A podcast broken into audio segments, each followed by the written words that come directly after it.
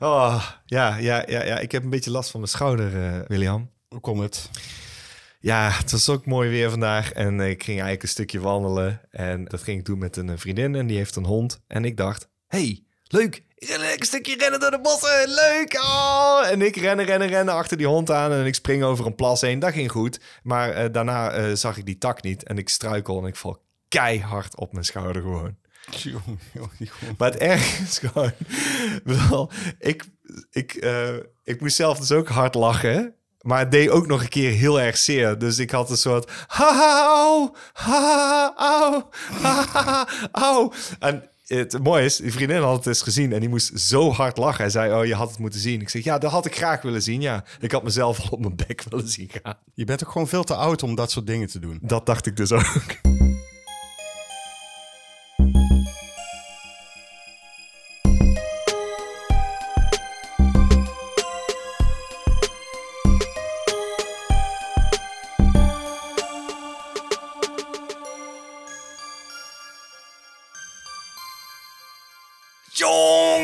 jongen, jongen, jongen. Jazeker. Jazeker, oh, zijn we weer. Oh, de derde aflevering van het tweede seizoen van Cinepraatjes. Hallo, ik ben Jean-Paul Arends en tegenover mij zit... William van der Voort. En Cinepraatjes is natuurlijk de podcast van Cinemaatjes. Ja, daar moeten we wel even bij zeggen, want anders weten mensen helemaal niet waar ze eh, naar aan het oh, luisteren zijn. Alsof.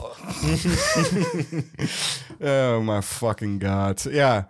Eh, vorige podcast, eh, daar wil ik even op terugkomen. Want we hebben toen favoriete filmliedjes besproken. En ik was er één vergeten, glad vergeten. Ja, had ik het erover. Jij, zei, jij, jij, veerde overend op, op mijn bank. En jij zei, godverdomme. Heel gewoon vergeten. eentje vergeten. Ja, en ja. die luister ik gewoon praktisch elke week wel een keertje. Want die staat in de playlist van mijn werk. Ja, ik kwam langs en toen dacht ik, oh shit, hoe kan ik die nou vergeten zijn? Het is eh, Just Dropped In van Kenny Rogers. En dat is het nummer eh, van uh, de Big Lebowski. Ja. Van, van de Droom Bowling Ja, voor de eh, mensen die niet weten waar, je het nu over hebt. Wat was het ook weer? Favoriete filmliedjes? Ja. precies. En die hoorden daar echt wel tussen, vond ik. Ja, ik was daar roerend mee eens. Dus ik denk, ja, dat mag je wel even zeggen dan. Bij deze. En dan sluit ook mooi aan bij de vorige podcast natuurlijk. Ja. Trouwens... Uh, het is een serie, hè mensen? Dit is seizoen 2. Als je de rode draad kan vinden, dan eh, laat het ons weten. Ja, precies. ik weet het Ik niet. weet wat de rode draad is. ik weet het niet. Ja, rode wijn. rode wijn en mellow cakes. Ook een rode draad in onze podcast is natuurlijk dat wij huiswerk doen. Hè? Want de vragen die we krijgen, oh, oh, zo in, oh, allemaal ingewikkeld. Dan moeten we dingen opzoeken op internet en dan gebruiken we wel eens IMDB. Wat is dat dan? Ja, dat is een website waar allemaal eh, films op staan. Oh, keihandig. Internet Movie Database. Dat gebruiken wij wel eens op onze telefoon. Die nu afstaat. Heb je, eh, heb je hem uitgezet? Ik heb hem uitgezet. Ja, want jij kreeg laatst dus een aanrader. En dan moest ik zo... Eh, genoot daarvan eigenlijk gewoon. Want eh, ik dacht, IMDB, je hebt het helemaal bij het rechte eind. Hoe kun je dit nou geen aanrader vinden? Helemaal goed, IMDB, wat je JP hier aanraadt. Want wat raadde de IMDB jou aan? Dat ben ik weer vergeten, man. De fucking Warriors oh, natuurlijk. Oh ja, ja, ja, ja. Ja, ja, ik krijg wel vaker en denk, ik heb het helemaal niet ingesteld. Nee, maar, ik vind het wel leuk. Is goede aanrader. Ja, dat is gewoon perfect aanrader. Eigenlijk voor iedereen die naar onze podcast luistert. Luisters. luisters. Luisters. Luisters. Kun je gewoon even schakelen. Precies. Kijk eens een keer naar de Warriors. Ja, precies. gewoon omdat ik daar gaaf film vind. En het is gewoon een gaaf. Ik kan bamen. Ik ben het ermee eens. Nou, dat vind ik fijn om te horen, zeg. Ja, fijn, hè? Oh. Zullen een podcast beginnen? Ze zou we zijn. Als jij het er niet mee eens zou zijn, dan had ik niet naast jou op die bank gezeten. Nee, dat weet ik wel, ja. Wij zitten dus wel eens op de bank en dan maken we YouTube-reviews. Eh, daar hebben we het nu even niet over, maar die moet hebben je gewoon. Hebben we daar een jingle van of zo? Daar hebben we een jingle van, maar die ga ik niet eh, opnieuw... Uh, Jawel, gooi maar even in. Beste luisteraars, wilt u Cinemaatjes financieel supporten in ruil voor wat exclusief bonuscontent? Ga dan naar patreon.com slash cinemaatjes. De Cinemaatjes Reviews youtube.com slash en u vindt Cinemaatjes ook op Instagram. De podcast kunt u natuurlijk beluisteren op zowel Soundcloud en Spotify. Ik weet het niet, die jingle die is straks verouderd. Ik weet op voorhand Oké. Lucas, dan weet je dit. Eh, maak even een nieuwe. Ja, er moet er straks een nieuwe van komen. Met dus- ook die eh letterboxd pagina erin. Ja, letterbox, daar zitten we ook op. Godverdomme, dan kun je precies zien wat we dus allemaal op die bank besproken hebben. Kei gaaf gewoon. Letterboxd slash cinemaatjes. .com, hè, moet daar nog Oh ergens ja, tussen. .com. Letterboxd.com slash cinemaatjes. Precies. whatever. Ja. Ha, ha, ha. maar wij zitten dus altijd op die bank. Altijd. Altijd. Gewoon keihard. Sterker nog, hij komt eraan. De 200ste aflevering. I know! 200 fucking afleveringen, JP. Weet je wat ik leuk vind daaraan? Je hebt, eh, als je cinematische afspeellijst doet, dan heb je ze allemaal. Ik vind het heel leuk om daar doorheen te scrollen en af en toe te denken...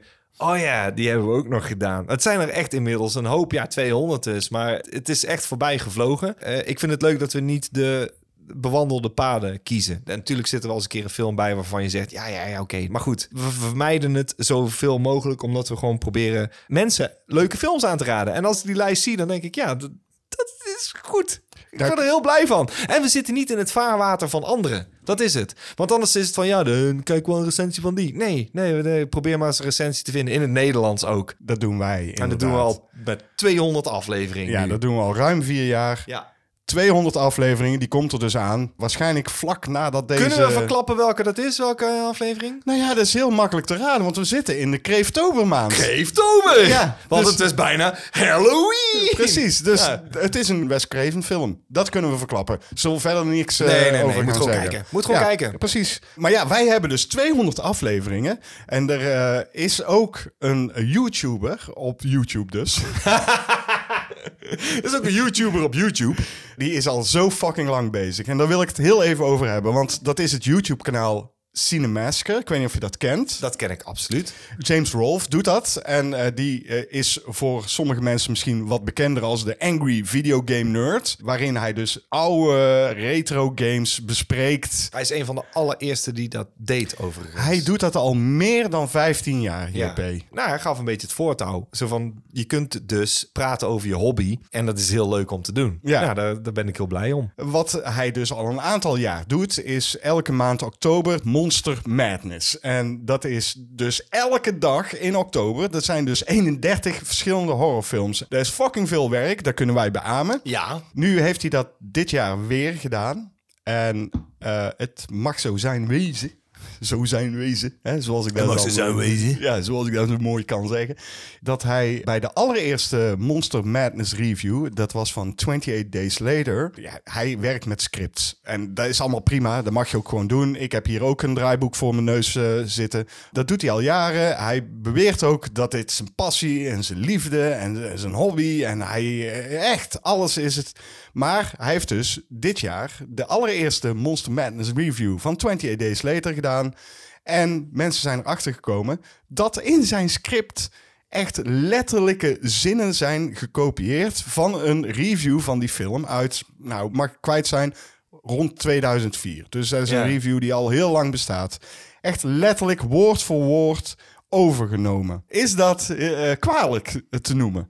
Het is slordig, denk ik. Want, eh, want uiteindelijk eh, pik je gewoon wel een tekst van iemand anders. En ik denk niet dat eh, James Rolfe zich daar bewust van is geweest. En ik denk dat hij een paar mensen in dienst heeft die voor hem van oh, ik ga het daarover hebben. Zou je alvast een voorzetje kunnen geven? En dan sluipt er af en toe zo'n slordigheid in. Ik denk niet dat hij zich daar heel erg van bewust was. Dat is wel jammer, want dan denk je, oké, ik dacht eigenlijk dat hij dit had geschreven, dat hij dit vindt. Ja, en dat hij gewoon Ja. gepassioneerd vertelt. Ja. En dat mag dan in een script zijn Ja. over de film die hij heeft gezien. En ik ga nu twijfelen, heeft hij die film überhaupt gezien? Ja, dat, nu, nu ga je twijfelen aan alles. Van oké, je, je, hebt- je ratelt nu gewoon iets af. Dus heb je deze film dan gezien? Nou, ik ben daar dus dieper ingedoken. Wat blijkt nu het geval te zijn, is dat James Rolfe, die dus de Angry Video Game Nerd is en dit YouTube-kanaal al jaren heeft, die heeft dus ongeveer in 2015 de handen ineengeslagen met eh, Screenwave Media. En dat is een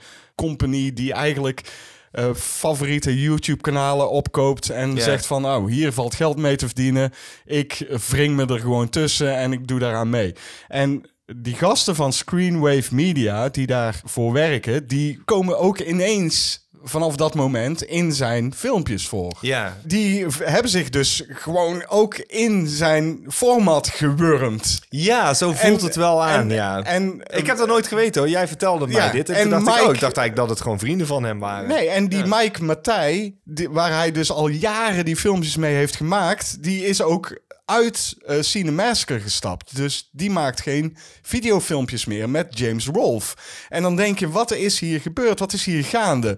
Nou blijkt het dus ook te zijn. Hij heeft een apologies eh, video op YouTube gezet... waarin hij dus aangeeft van... ja, eh, plagiaat is natuurlijk niet netjes. Het is zo dat ik nu zoveel moet doen... en dit is gewoon mijn inkomen, weet je wel. En, Ja. en dat mag. Je mag die keuze maken Ja. om te zeggen van... oké, als iemand mij geld wil geven om... want dat zullen wij ook gaan doen. Maar wij zullen niet gaan sjorren aan ons format, denk Nou, weet je waar Oké, want we hebben het hier wel over gehad. Van, omdat wij natuurlijk in zo'nzelfde markt zitten. Zou ik dan iemand inhuren om bijvoorbeeld de edits te gaan doen van cinemaatjes? En ik denk nee, want dat vind ik zelf veel te leuk om te doen. Ja. Eh, ik weet welke opmerkingen wij hebben gemaakt en welke beelden daarbij horen. Maar ook hetzelfde geldt voor de podcast. Het is heel leuk om daar aan te editen. Ook al eh, kost het wel wat tijd. Maar dan maak gewoon die tijd. Want het zorgt voor een bepaalde spontaniteit die ik belangrijk vind. En als je dat uit handen gaat geven, dan krijg je dit soort slordigheden. En dan krijg je van die apology-video's. Dat hoeft toch niet? Hij heeft dus alles zo'n beetje uit de handen gegeven. Ja. Het enige wat hij doet is een script voorlezen. En Ja. ik vraag me dus nu af... Heeft Maar waar zit dan die passie ja, dan nog? waar, waar is die passie? Waar, waar- kijkt hij überhaupt die films? Ja, weet nou, je dat wel? vind ik een goede overweging. Want dan is het dus van... Jij bent toen begonnen, 15 jaar geleden... eh, vanuit een bepaalde ja, eh, passie dus. En dan nu is het van... Oké, nou ratel ik wel even een scriptje af. En James Wolf is echt een toffe gast, hoor. Dat is gewoon zo. Nou, hij is een Maar- pionier Ja, natuurlijk. en hij is ook een pionier. En dan, dan lijkt het net alsof iemand van zijn voetstuk is gevallen. Dat geloof ik niet helemaal, maar ik begrijp het wel. Maar het is wel jammer dat dan na zoveel jaren dat dan aan het licht komt. En ik moet eerlijk zeggen, die gasten van Screenwave... die dus in zijn video's opduiken... dat is echt totaal geen aanwinst. Nee. Die ratelen door hem heen. Hij staat er ook af en toe bij. Ja. Dat je denkt van... Oké, eh, zij zijn allemaal aan het lullen met elkaar. Die kennen elkaar waarschijnlijk ook beter dan dat. eh, het is niet zo dat hij ze niet kent. Hij kent ze waarschijnlijk al meer dan tien jaar. Dat geloof Ja. ik wel. Maar ah, ik weet het niet. Ze hebben gewoon helemaal niet die connectie die hij met Mike Matthij wel had. Of iets wat wij hebben. ja, wat wij hebben. Die spontaniteit, ja. die, die kun je niet veinzen, weet je wel. Dat is Nee, gewoon... je kent elkaar gewoon door en door. En dan kun je elkaar eh, kun je zinnen afmaken. Ja, dankjewel. Maar het is wel zo, want dat, dat kun je niet fijn zijn. En ik wil ook niet van een script afwerken, want dat vind ik vervelend. Ik doe het ook vanuit een passie en we blijven dit ook gewoon doen, want ik vind het gewoon hartstikke leuk om te doen. Ja, dus, Dus, dus te hopen mensen dat wij nooit opgekocht worden door een groot bedrijf, alhoewel wij daar financieel misschien wel beter van zouden kunnen worden. En waar we ook financieel beter van kunnen worden, is van onze maatjes. En Nou, heel financieel niet, maar eh, het is altijd eh, zeer op prijs gesteld. nou ja, als we er meer krijgen, dan worden we er financieel nog beter Dat van. wel. Dus eh, Oh man, wordt het dan gaaf. eh, het is wel zo dat we een aantal nieuwe maatjes hebben. En dat eh, moet ik dus eventjes eh, vertellen natuurlijk. Want eh, een bedankje is op zijn minst wat ze kunnen krijgen. Ja. Voor ons nieuwe maatje. Corné Heijboer. Hey Steve! Hey Steve K. Wij kennen hem beter als Steve. Ja, en als je de film Woensdag kent... Precies. En Corné is een eh, L-maatje geworden. We hebben nog twee M-maatjes erbij. Dat is ook te gek. Laat maar even horen. Ja, dat zijn Maarten J. Boer en Frank Kriene. Maarten J. Boer is eh, ook bevriend met een ander maatje van ons. Oh, is dat zo? Ja, ik denk dat hij bevriend is met Mark Beulen. Nou, en Mark Beulen, die was nog geen maatje van ons. Wat? Nee, Nee, maar... maar, maar, maar... Ja? Ja? Ja? Ja? ja? hij is ons allereerste tussenmaatje geworden. Nou... Ja, we hebben een tussenmaatje. Yes! Ja, daar hebben we het in Eh. onze eh, eerste aflevering van het tweede seizoen over gehad. Over een tussenmaatje kwam toevallig ter sprake en we vonden het grappig. Was Wat kost ook heel- weer een tussenmaatje? 1,50 per maand. Ja, snap ik. Hij heeft ook 600 kinderen daarom. Heeft hij 600 Ja, kinderen? weet ik veel. Hij heeft, eh, elk jaar komt er weer een nieuwe. Elke keer een nieuw vervolg. Soort Saw. Ja.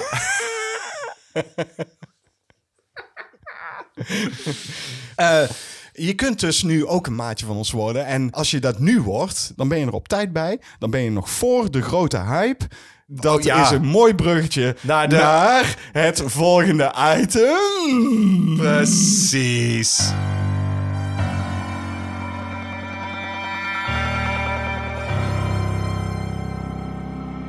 Wat heb je nou in godsnaam weer gezien? Want JP, jij hebt Ja. gekeken naar de grote hype op dit moment. Ja, ik hoorde iedereen erover praten en ik, god, ik kan er niet achterblijven dan. En Nee. ik heb hem gekeken en toen dacht ik, ik, weet niet waarom, wat?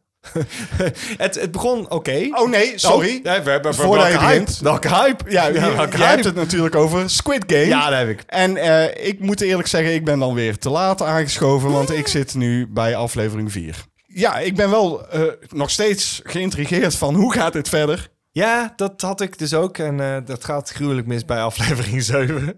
en dan eh, komen er in één keer eh, wat personages in. En dan denk je bij jezelf, wie heeft deze mensen gecast? Ze kunnen niet acteren. En het is zo slecht dat het heel het niveau naar beneden haalt. Want de hoofdrolspeler is eh, prima te pruimen. Alle bijfiguren eigenlijk ook nog wel. Ja. En je gaat echt wel een bepaalde affiniteit voelen voor deze personages. Oké, we moeten natuurlijk even voor de mensen die niet weten wat een hype is. Squid Game gaat over een, eh, allemaal mensen die in financiële nood zitten. Door een geheime organisatie krijgen ze de kans om mee te doen aan een spel. Niet per se de kant. Ja, ja, Ja, ja, ze krijgen ja, een kaartje overhandigd en als je daarop eh, belt, dan eh, word je opgehaald door een limo, word je gedrogeerd en dan word je wakker op een eiland. Juist. En dan krijg je een trainingspak aan en een nummer en dan mag je zes spellen mag je aan meedoen. En die zes spellen, dat zijn kinderspellen. Ja. En dan eh, zou je wel eens een keer de hoofdprijs kunnen winnen. Als je verliest, dan word je doodgemaakt. Ja, dat is verschrikkelijk natuurlijk. En ook heel bruut wordt dat gedaan. En als je dan wint, dan win je volgens mij 49 miljard won. Ik heb gehoord dat dat 28 miljoen euro is. Nou, dat is genoeg toch? Eh, dat is Het is zo dat als Ja. iemand sterft, dan krijg je dat geld wat iemand gebonden zou kunnen hebben, wordt bij de, de, De prijzenpot. pot, de, de jackpot gegooid. Juist. Ja, dat maakt het interessant, want eh, ja, elke keer als er mensen doodgaan, dan ding, ding, ding, ding, ding, ding, ding, ding, ding, ding, komt het eh, geld in een grote spaarvarken Juist. eh, die aan het plafond hangt.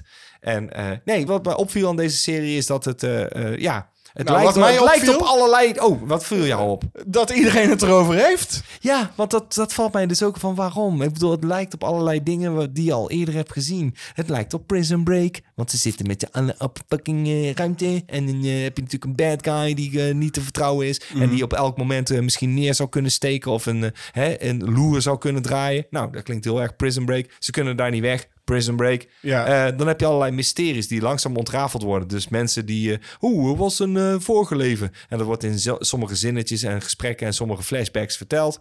Eh, lost. Dat andere ding is... eh, oh, ze doen mee in een spel waar iedereen die doodgaat... eh eh, Battle Royale. Battle Royale. Dus waar je naar zit te kijken is niet origineel. Maar voor heel veel mensen is dit... Wel die- origineel. Wel origineel. Dan denk ik... Echt waar? Is dit zo origineel? Want, eh, Nou ja, de jeugd loopt er ook mee weg. Mijn zoon bijvoorbeeld heeft het er ook over. Die zegt de hele tijd, en heb je Squid Game al gekeken tegen Ja. mij? En dan denk ik, oh het ja, gaat nou, zo mis bij aflevering 7. Nou, dat ben ik nog niet. Dus Ja. eh, eh, hou de spoilers voor je. Daar kom ik er nog wel op terug. Als jij het hebt gezien, gaan we het hier uitgebreid over hebben. Want mijn god. Ja, vind je wel dat het nodig is om daar nog even wat... Absoluut.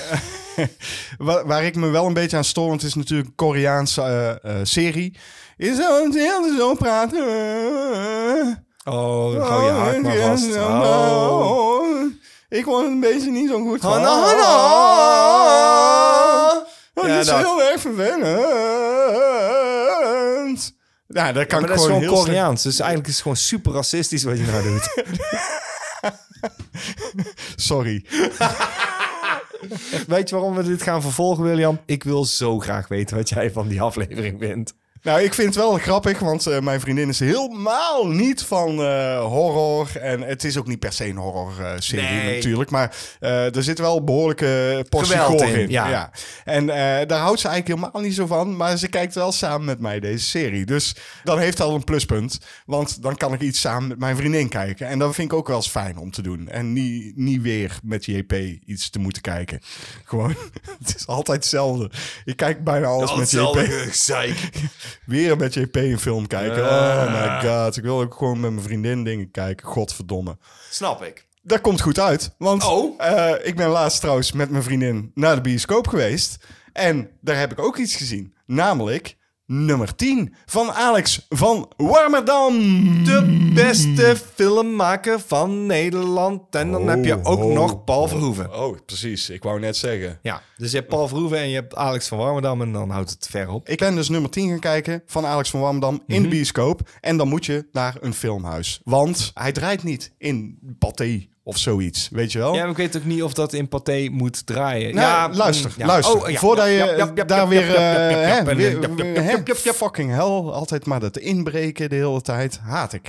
Want het is namelijk zo, ik zit daar in die bioscoop en wat denk je? Er zitten alleen maar grijze muizen. Nou ben ik zelf ook al vrij grijs natuurlijk. Ja. Maar alleen Oh. maar 60-plussers. En dan zit ik die film te kijken en dan denk ik... Interessant, interessant. Ik zie interessante dingen gebeuren hier. Dit is gewoon iets wat eh, iemand eh, tussen 25 en 55 gewoon moet zien, vind ik. Ja. En dat vind ik bij heel veel Alex van Warmerdam films. Ja. Omdat dat gewoon wel interessante films zijn. En niet doorsnee, niet normaal en zo. Waarom draaien ze die shit alleen maar in filmhuizen? En niet ook in de gewoon reguliere bioscopen? Omdat het dus niet doorsnee is. Maar dus goed. je geeft eigenlijk gewoon een antwoord op je eigen vraag. Ja, maar interesseert me geen zak, want ik hou van niet doorsnee. Ik ook. Oké, ik ga even vertellen waar hij een beetje over gaat. Doe maar. Eh, en eh, dat doe ik heel kort. Gunther is een man van rond de 40 en hij is een toneelacteur. Je leert gaandeweg de film ook kennen dat hij als vierjarig jongetje in een bos is gevonden. Maar inmiddels heeft hij zijn leven, ondanks dat hij al gescheiden is, toch redelijk op orde. En een van de actrices waar hij mee samenwerkt in een toneelstuk op dit moment is Isabel. En, en zij is ook de vrouw van de regisseur van het stuk.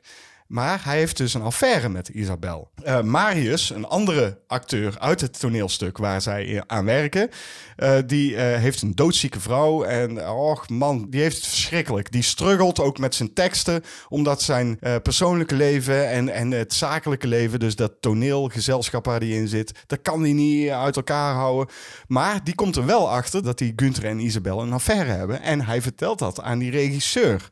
Isabel probeert natuurlijk die affaire geheim te houden voor haar man. En Gunther probeert op zijn beurt ook de affaire geheim te houden voor zijn dochter Lizzie. Maar Marius heeft het dus al tegen de regisseur en de man van Isabel verteld.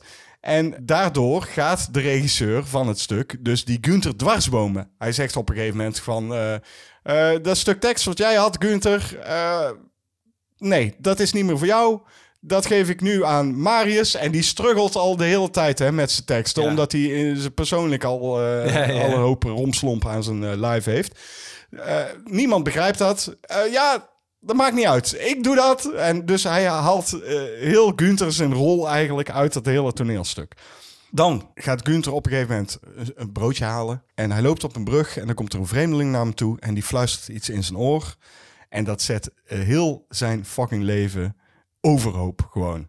Alles wat ik nu heb verteld... Klinkt super eh, intrigerend. En het is ook wel typisch Alex van Warmerdam. Ja, maar maar wat ik- surrealistisch. Ja, En, en bevreemdend. daar is En het. mysterieus. Ja, daar is het, want je zit de hele tijd naar het toneelstuk te kijken. Maar Ja. alles wat ik nu heb verteld is eigenlijk alleen maar de eerste acte. Want ik wil gewoon niet meer vertellen, omdat je dan te veel te ik weten heb de krijgt. trailer heel even gekeken en die heb ik ook afgezet. En dacht ik, ja, dat wil ik gewoon zien. Wat hij goed doet, is dat hij veel gebruik maakt van waanzinnige acteurs over de grens. Ja, Gunther eh, wordt ook gespeeld door een Vlaming. Ja, dat heeft hij heel goed gezien. Want je kunt daarover vallen.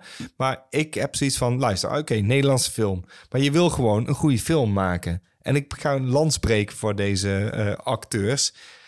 Vlamingen zijn echt gewoon vele malen beter. En ik weet niet waar het aan ligt. Ik, ik, eh, een soort bepaalde passie, een bepaalde eh, gedrevenheid. Want anders wordt het een soort soapy soap acteerprestaties. En bij een Vlaming op een of andere manier eh, bekt het lekkerder. Ik vraag me dus af, als je dat zo zegt, zou een Vlaming precies zo overdenken? Want misschien ziet hij die Gunther en denkt hij, ah, die ken ik uit die serie en uit die serie. Ja, snap ik. Nederlandse acteurs. En hij gebruikt gewoon wel goede acteurs, weet je wel. Er ligt niet Oh aan. nee, dat is het. En eh, ook de Nederlandse acteurs in zijn films zijn waanzinnig. En, nee, eh, dat, dat, Dus dat ik heeft denk hij dus dat alles Ja. wel eh, aan Alex van Warmdam zelf ligt. Ja, Hij- dat ook zijn scripts, zeker aan de regisseur. Zijn scripts zijn gewoon goed geschreven. Er Ja. zitten goede dialogen in. Daar zit goede zwarte humor in. En dat zit bijna in al zijn films. En dat is gewoon fijn.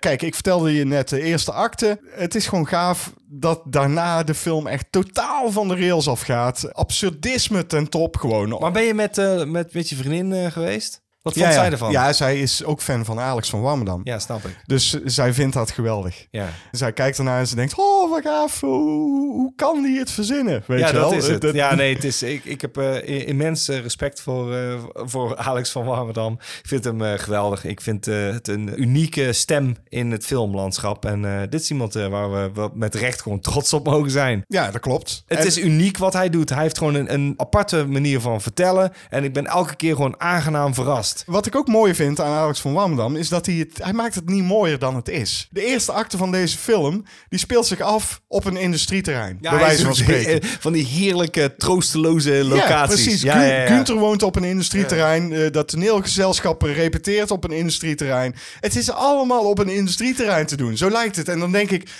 wow man, hoe kun je zulke locaties spotten...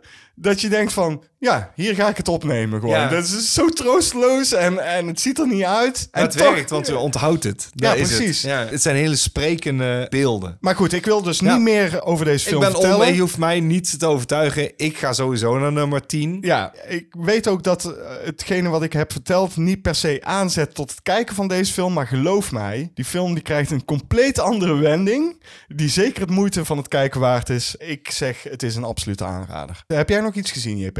Ik heb zeker iets gezien. En eh, ik ben de film aan het kijken en de film is afgelopen. En toen dacht ik, wacht eens even. Dit is niet gewoon de film waar eh, William het over heeft gehad in de podcast. Maar ik heb gewoon de remake gekeken. Wat heb je gekeken? Ik heb The Guilty gekeken. Heb je die gekeken? Ja. Die heb ik expres niet opgezet omdat ik gewoon het origineel heb gezien. Den Nee, Skildige. ja, en de eh, ik wist het niet. Maar wat ik wel vind... Het is bijna één op één toch gekopieerd. Eén op één, ja, Ja. zeker. Oké, ze hebben het gewoon vertaald. Maar wat ik wel moet zeggen is...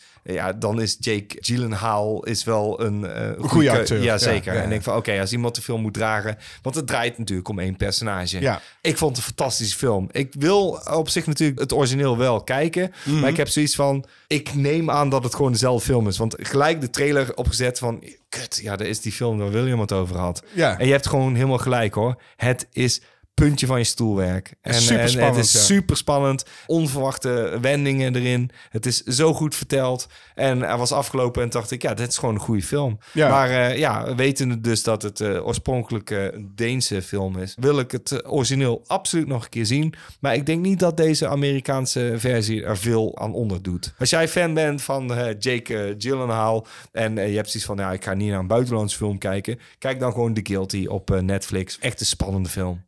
Ik vond er alles gaaf aan. Eh, Maar wat wel werkt, denk ik, voor deze film ook... Dat is een goede wel- acteur natuurlijk. Ja, en ja, dan is het gewoon één verrassend script. Ik was aangenaam verrast en ik ben eh, blij met deze film. Ik ga absoluut nog een keer het origineel bekijken, maar ik weet niet wat het gaat toevoegen, want ik denk dat het gewoon dezelfde film is met een andere acteur. Maar dat maakt niks uit. Het verhaal is fantastisch, dus dikke aanrader. Ja, maar wel het origineel. Ja, dat klopt. Ja, ja, maar daar gaan we het zo ook over hebben, Ja, JP. Want dat snap luister maar eens. Ja. Luister maar eens, want ik heb nog iets gekeken. Ik had gewoon zin in een oude film. Gewoon eentje kijken die ik heel lang geleden heb gezien... en waarvan ik dacht van, eh, hoe blijft die overeind staan? Dus ik dacht, nou, dan gaan we Pet Cemetery kijken. Uit eh 89 Ja. van Mary Lambert. Gebaseerd natuurlijk op een boek van Stephen King. Ja. En deze 89-versie Is behoorlijk trouw aan het boek, kan Is- ik je vertellen, want ja. ik heb het boek gelezen. Dat komt ook omdat het script geschreven is door Stephen King. Nou, Dus ja. dan snap je dat. Ja.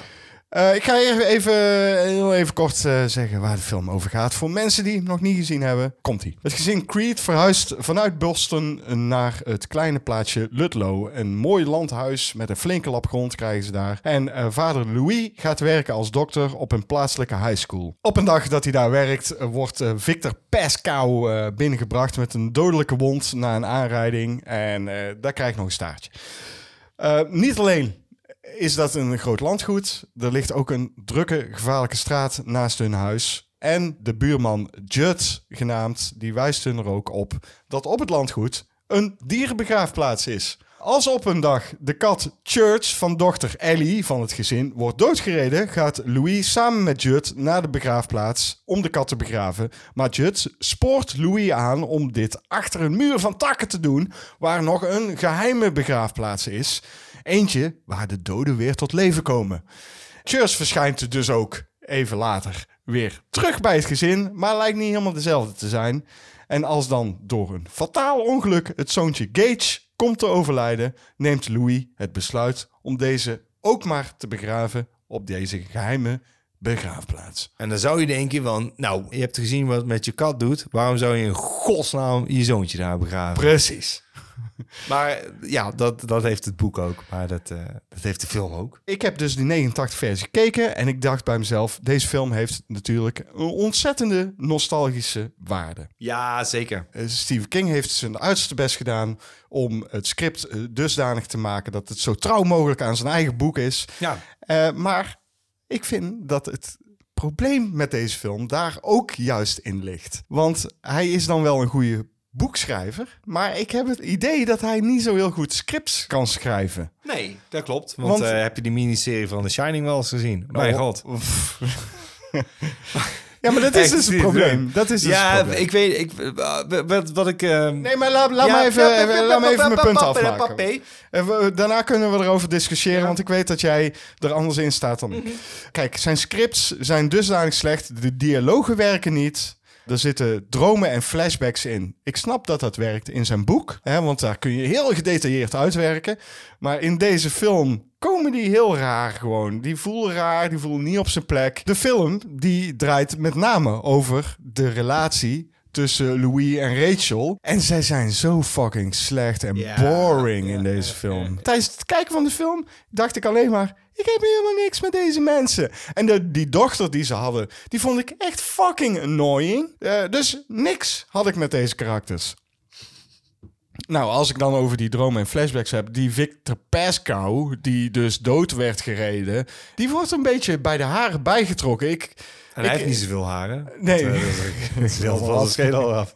Maar eh, ja, ik vind die wel gaaf hoor. Sorry. Ik vind ja, het maar hij, hij- absoluut. Hij ziet er gaaf uit. Eh, special effects zijn gaaf in deze film. Zo, daar daar ga ik het niet over ja, hebben. Ja, ik wou zeggen, special Eh, effects zijn te gek. Maar dat hele Victor Pascow gedeelte, ik snap helemaal hoe dat goed in een boek kan werken. Maar Ja. in deze film vond ik dat gewoon niet goed tot zijn recht komen. En dat vind ik gewoon jammer. Ook de backstory van Rachel, want die heeft ook een enorm verschrikkelijke backstory. Met die zus. Eh, ja, Ja. met die zus.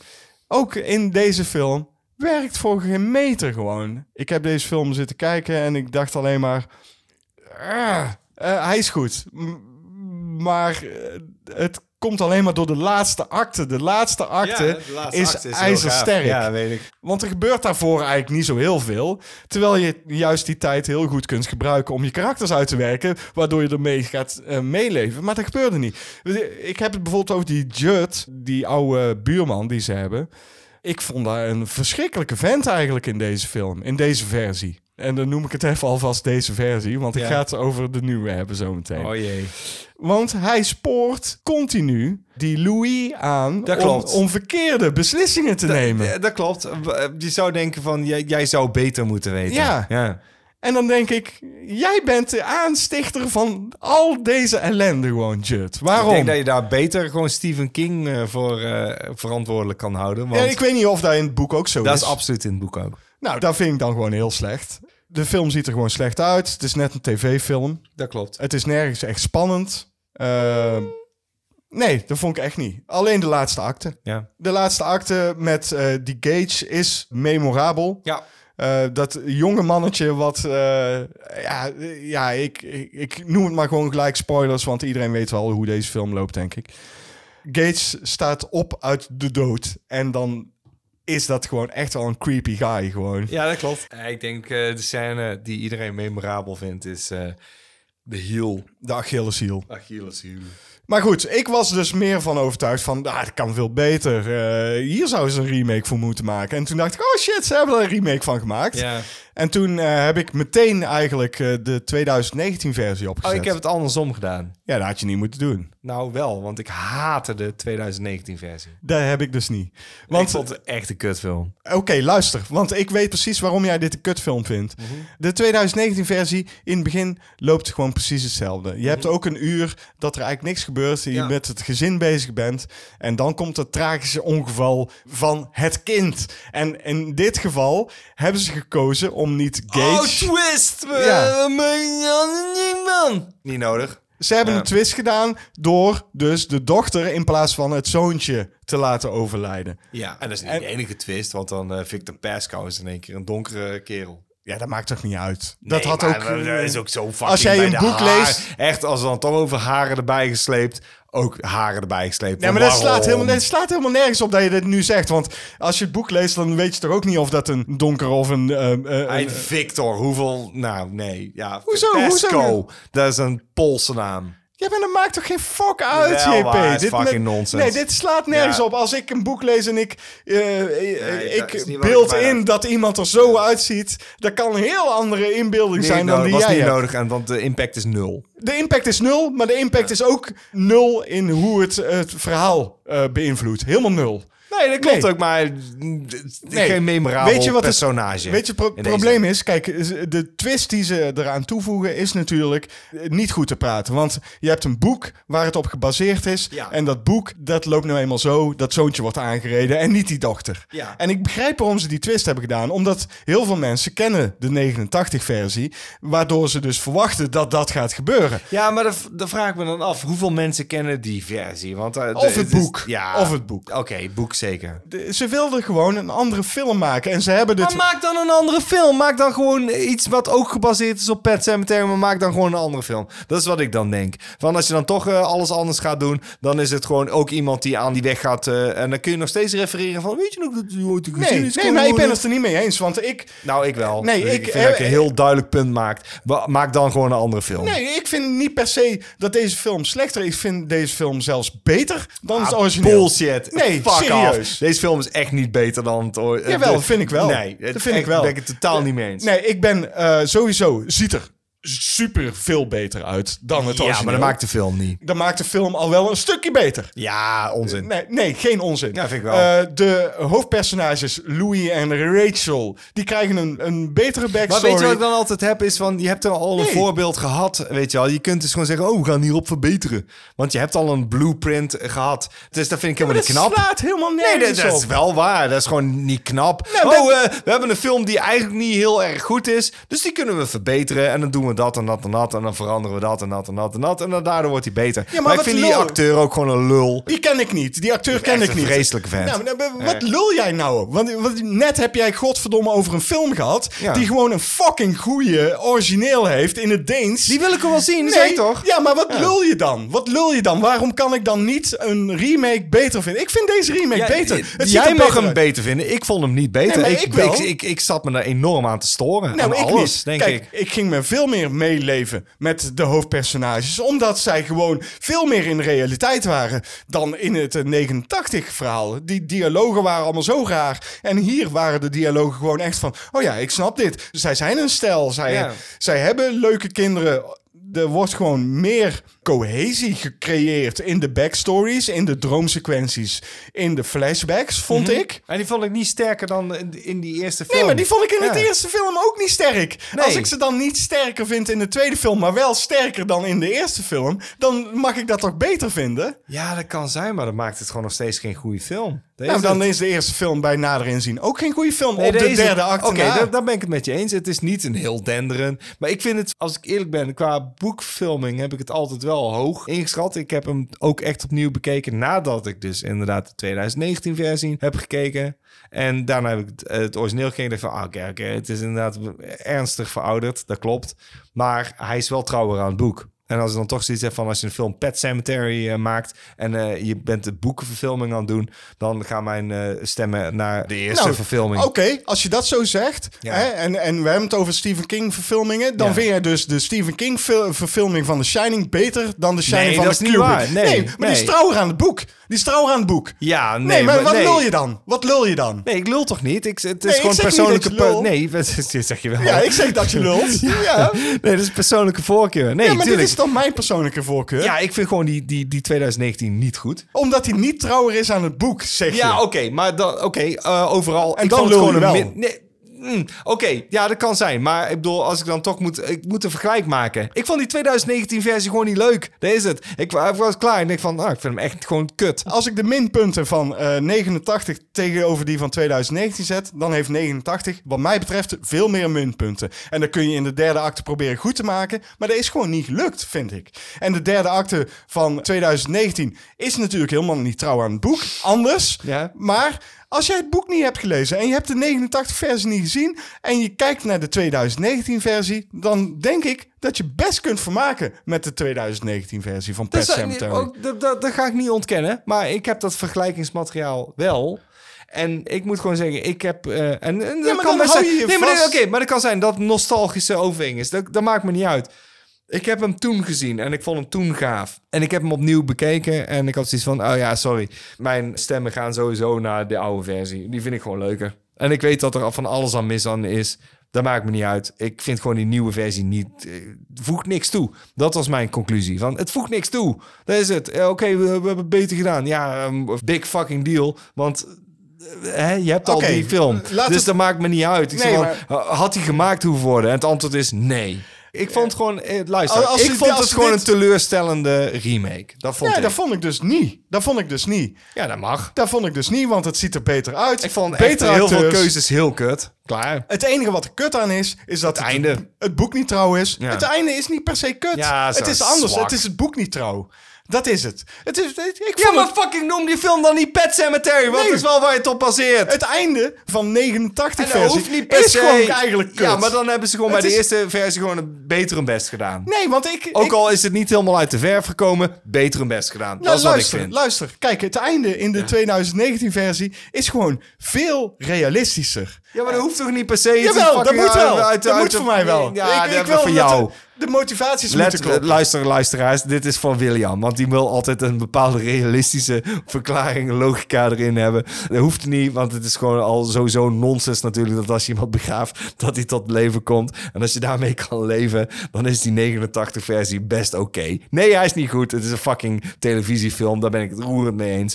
Eh, maar vind ik hem beter dan de 2019-versie? Ja. Nee, nou, jij valt alleen maar op die nostalgische waarden. Ja. Die, eh, Ja, dat ga, ik gewoon, dat ga ik ook eerlijk toegeven. Ik val zeker op die nostalgische waarde. Tuurlijk bij nader inzien. En nu ik hem opnieuw achter elkaar heb gekeken, dacht ik ook van ja, oké, het is niet de allerbeste film. Maar vind ik hem leuker of amusanter dan de 2019 versie?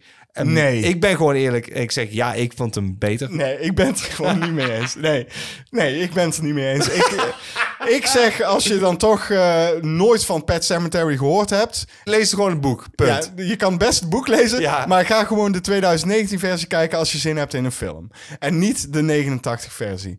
Eh Ik moet pissen, man. ik ga me even pissen. Laat me gewoon lopen. Oh, we zijn nog niet eens bij de vragen, man. We zijn nog niet eens bij de kast. Terwijl JP aan het pissen is, kan ik wel even zeggen dat je gewoon echt niet naar hem moet luisteren. En kijk gewoon de 2019-versie van Pet Cemetery. Die is gewoon echt beter. Dit is gewoon veel makkelijker te behappen. Eh, je leeft echt met de karakters mee. Het is gewoon makkelijker om het eerste uur door te komen. Dat er een twist in zit die niet trouw is aan het boek. Fuck it, zwaar. Maakt het niet uit. Het maakt het verhaal niet veel slechter. Echt niet. Maar goed, eh, JP eh, kennende zal die het wel niet met me eens zijn.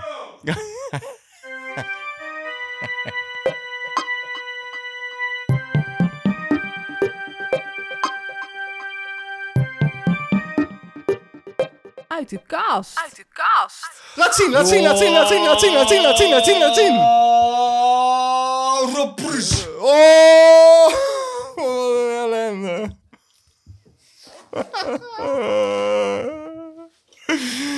Oh my god, fantastic. Four, de deluxe edition. Twee Yeah. disc set. Twee discs over een film waarvan je denkt, waarom? Waarom is deze ooit gemaakt? Ik heb hem wel gezien.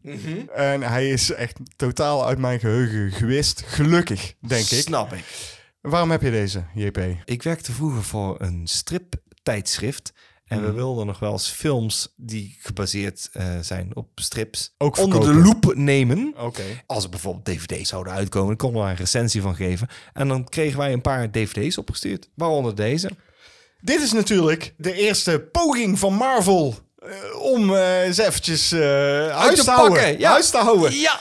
Nou, de eerste was natuurlijk eh, Spider-Man. Ja, maar Spider-Man is een interessant karakter. En eh, als je het over Fantastic Four hebt, daar ga je al. Het zijn vier karakters die ik niet eens bij naam kan noemen. Bijvoorbeeld, deze heet The Thing of zo. Ja. Dat is de enige. Ja, maar daar ga je al, William. Ik, ik ga jou nu gewoon eerlijk vertellen dat de Fantastic Four als stripreeks fucking interessant is. Daar kun je dus van alles mee doen. Omdat zij eh, dingen meemaken die niet meer te maken hebben met... Oh, het is een eh, superheld en dan is er zeker een eh, overval of een misdaad. En dan, dan moet hij super... Nee, zij gaan op allerlei avonturen dat je denkt... Ja, dat is heel anders dan je normale superhelden eh, ding. Het is geen Superman die geheime identiteit heeft. Dat is het niet. Deze vier eh, mensen hebben per ongeluk eh, krachten gekregen. Ze zijn alle vier eh, hebben ze een wetenschappelijke achtergrond.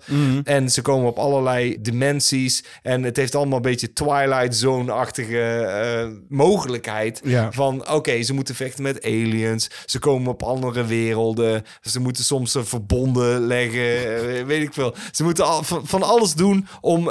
ik weet niet eens of dat een normale zin is. Maar ze moeten allerlei dingen doen om. Eh, eh, eh, ja, weet je wel. Ja. Dat zit hier allemaal niet in. Ik, ik ben aan het lezen. Achterop, er staat hier. Lees op. Eh, dit is een eh, quote dus om de film eh, te verkopen. En er staat... Amusant entertainment vol met special effects en sterke onliners. Onliners. Onliners? Onliners. Ja, Sterke one-liners. Ik wil ja, van die, niet, niet, niet zo heel sterke one-liners. Zijn onliners. Want ah, dat had, had tof kunnen zijn, maar uh, Oké, maar dit is dus wel een interessante comic, als ik begrijp. ja, zeker een interessante comic. En iedereen hoopt nog op een juiste verfilming, want eh, ook die Fan Four Stick eh, die in 2015 uitkwam, ook een mislukking. Dan begrijp je de strip gewoon niet. En iedereen die het kent, zegt ook hetzelfde. Van luister, het is niet per se superhero. Dat is het wel. Ze hebben allemaal supergaven. Dat, dat begrijp ik. En dat is ook waar Marvel op eh, eh, rekent. Ja. Maar wat de Fantastic Four interessant maakte... is dat zij kozen voor buitenaardse dreigingen. eh, niet op aarde per se. Maar gewoon, zij moesten zich al op allerlei dimensies... Dus ze gingen op allerlei rare, exotische avonturen. Dat is Ja, het. ja. Beetje je- Invincible. ja, ja, zeker. Zeker. Eh, groter, groter, grootst. Eh, weet je wel, nooit op aarde per se. De dreiging komt niet vanuit eh, een persoon die iets doet op aarde... en dan moeten zij in één keer in actie komen. Nee, want ik vind de Fantastic Four helemaal niet slecht. De Ultimate Fantastic Four die ze toen ooit hebben gehad... was heel goed. En die speelde ook op hetzelfde in je hebt gewoon een paar hele sterke characters. Dr. Doom is gewoon een sterk character. En dan moet je niet... eh, een- een, ja, dan we er een villain van. Dat is het. Maar je kunt er zoveel meer mee doen dan wat zij hebben gedaan. En dan denk je... Dit heeft zoveel potentie. Ik denk dat het meer potentie heeft als een tekenfilm. En ik denk dat het meer potentie heeft als een serie Oké. omdat je gewoon zoveel toffe verhalen kan vertellen over de Fantastic Four. En het is nog tot nu toe helemaal niet gelukt. Alles is mislukt. Ja. Net zoals deze podcast ook, Ah, ook weer mislukt om... eh, om het binnen de tijd te houden. Om het Ja, kort te houden. Ja, ja, nee, is absoluut mislukt. Oh, wij, wij lullen te veel. Vooral jij, eigenlijk, JP. Flikker toch op, man. Jij hebt keilang gepraat over... eh, Ja, en dat eh, vond ik nodig. Ja, is ook. Zeker omdat wij een discussie hadden daarover. Ja, nou, laten we er allemaal in. Oké, laten we er allemaal in. Dan knip ik niks. Nee, goed. Volgende item. Ja.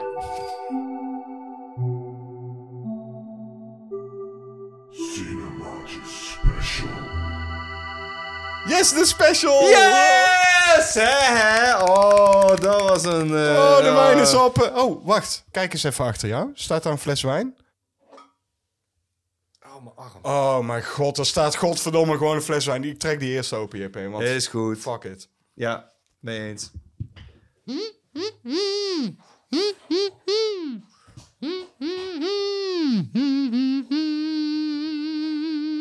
William trekt ondertussen de wijn open. Ik weet, het is niet heel interessant, maar toch. Dit wordt de uitzending van anderhalf uur, sowieso. Nee, ik heb het teruggebracht naar eh, 50 minuten en alle leuke dingen zijn eruit. Er zitten geen leuke dingen. Dat is wel waar, man. Ik vond het kei leuk. Ik vond het kei leuk, man. Dat is kei grappig.